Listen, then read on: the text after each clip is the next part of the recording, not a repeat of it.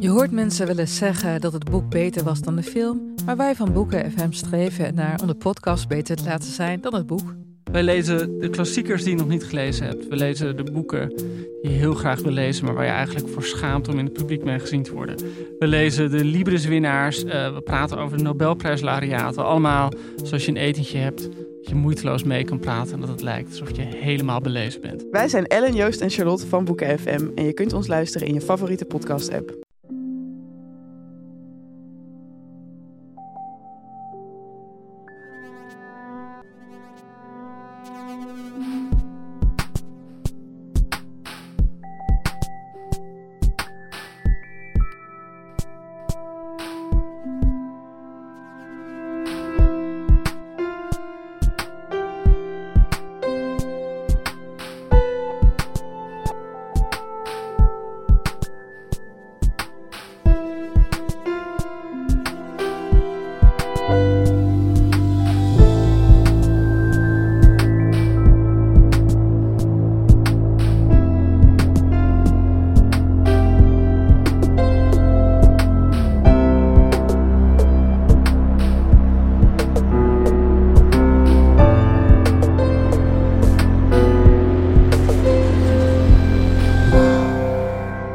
Welkom bij aflevering 3 van de Relaas podcast.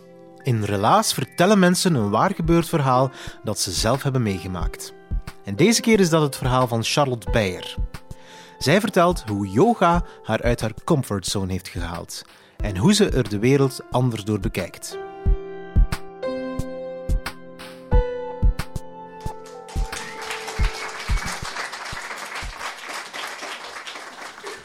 Denk dat ik ongeveer 40 minuten te laat was op mijn allereerste yogales.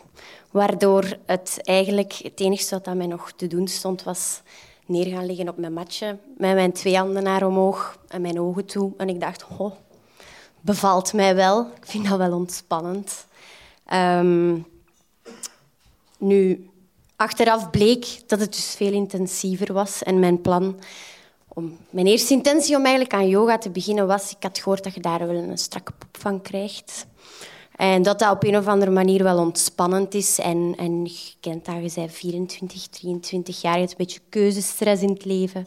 Je weet niet zo goed met wat je allemaal bezig bent. Je bent op zoek naar iets nieuws. En uh, ja, dat was hetgeen dat ik dan eens ging proberen. Dus ik had mij ingeschreven voor een uh, tien beurten reeks yogalessen eerste les was dus al geslaagd. Dus tien minuten op mijn rug liggen. En uh, ja, tweede les was al intenser. Het was een uh, groep met uh, zeven bommatjes. Ik en nog twee vriendinnen. Dus het was niet zo zwaar. Het was wel tof.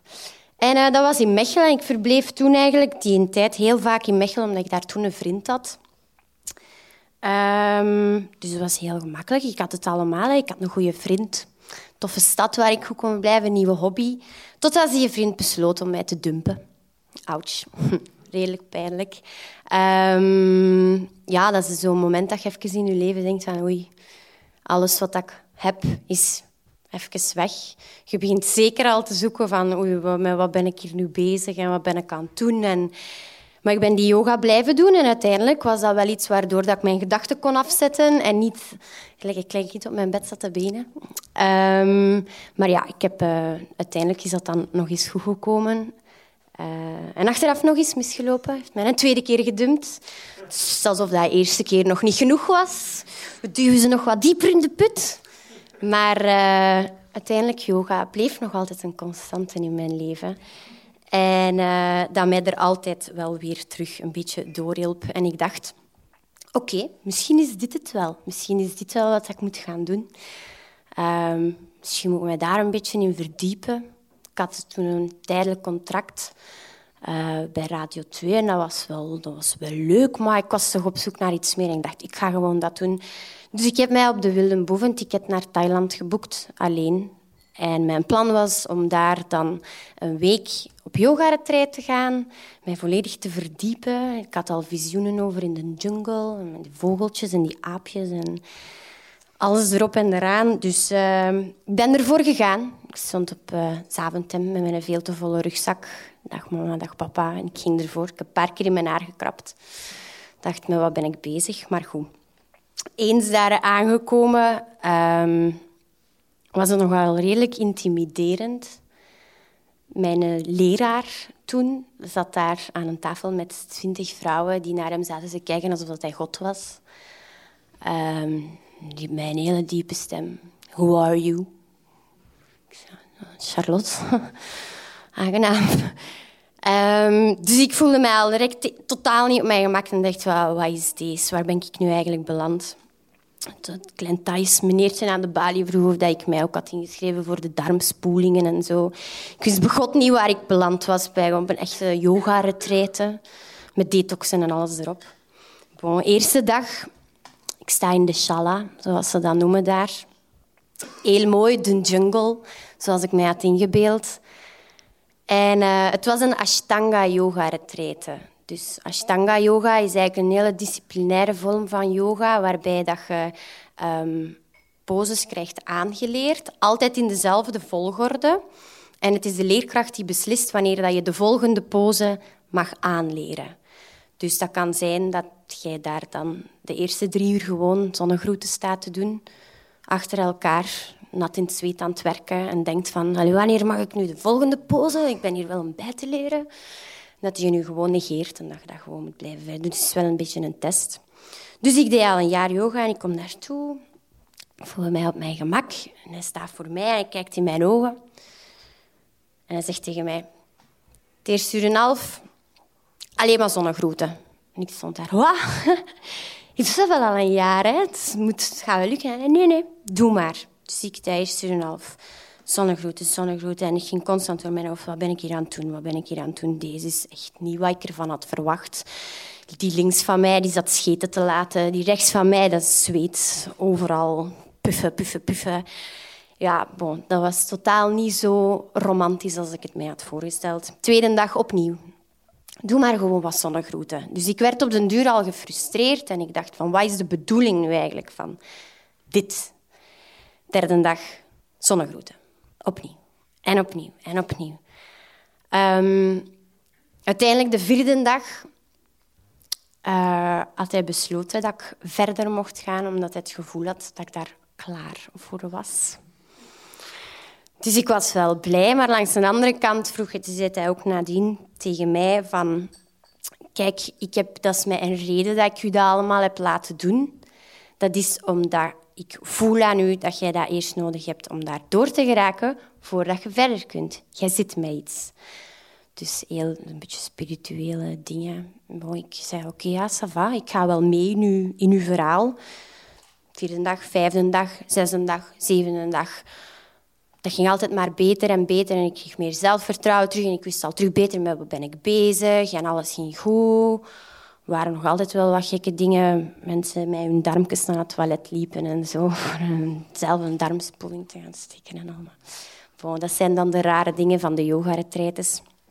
En uh, ja, laatste dag, ik had mij voorgenomen, deze is wat ik wil. Deze, deze is wat mij terug gelukkig maakt. Yoga, dat is een moment waarop dat ik mijn gedachten kan afzetten, dat ik volledig tot mezelf kom, dat ik uh, ontspan, dat ik mijn geest kan ontspannen en niet moet denken aan die keuzestress van wat moet ik gaan doen, welke job moet ik doen, wat verwachten de mensen van mij. Um, dat is een moment dat dat alles losgelaten wordt. En ik dacht, ik ga dat blijven doen. Hè. Ik ga terug thuiskomen, elke dag. Om zeven uur s ochtends, op mijn matje. dat, uh, ik heb dat drie dagen volgehouden.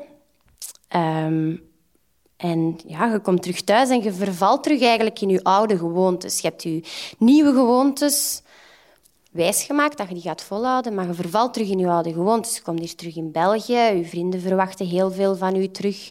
Je komt terug in die stroom van je moet een job gaan zoeken, misschien wel iets dat je niet zo graag doet, maar ja, het wordt allemaal van je verwacht.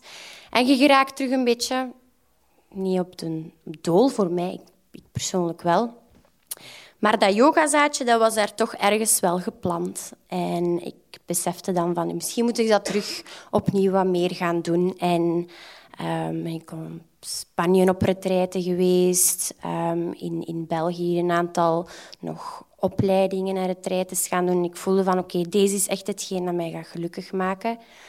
Um, Omdat yoga je eigenlijk een beetje forceert om dieper te gaan kijken in jezelf. Dat forceert u om eerlijk te zijn met jezelf en niet uw ego te laten spreken.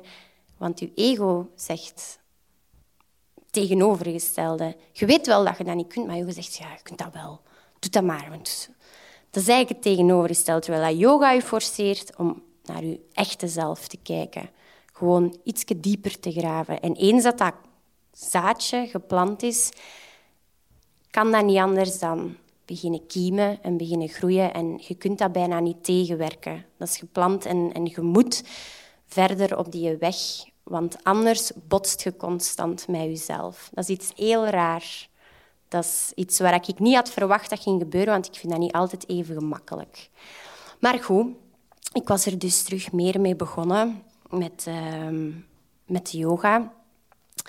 En ik heb dan maar beslist om een jaar later een uh, teachertraining te gaan doen in Bali. Um, omdat ik ook in België niet meer zo wist wat ik wou doen qua job en zo.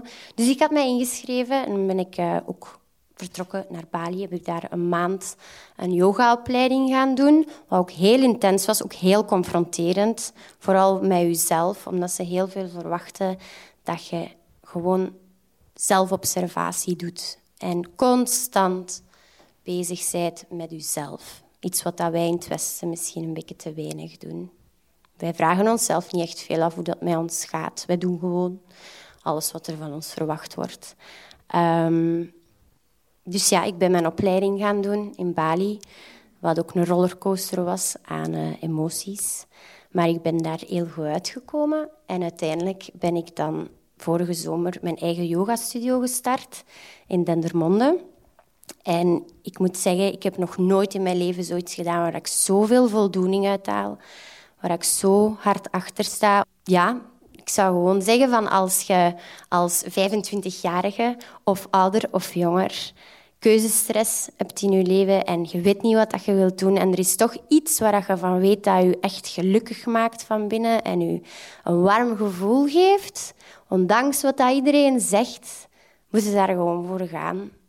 En dan komt altijd alles goed.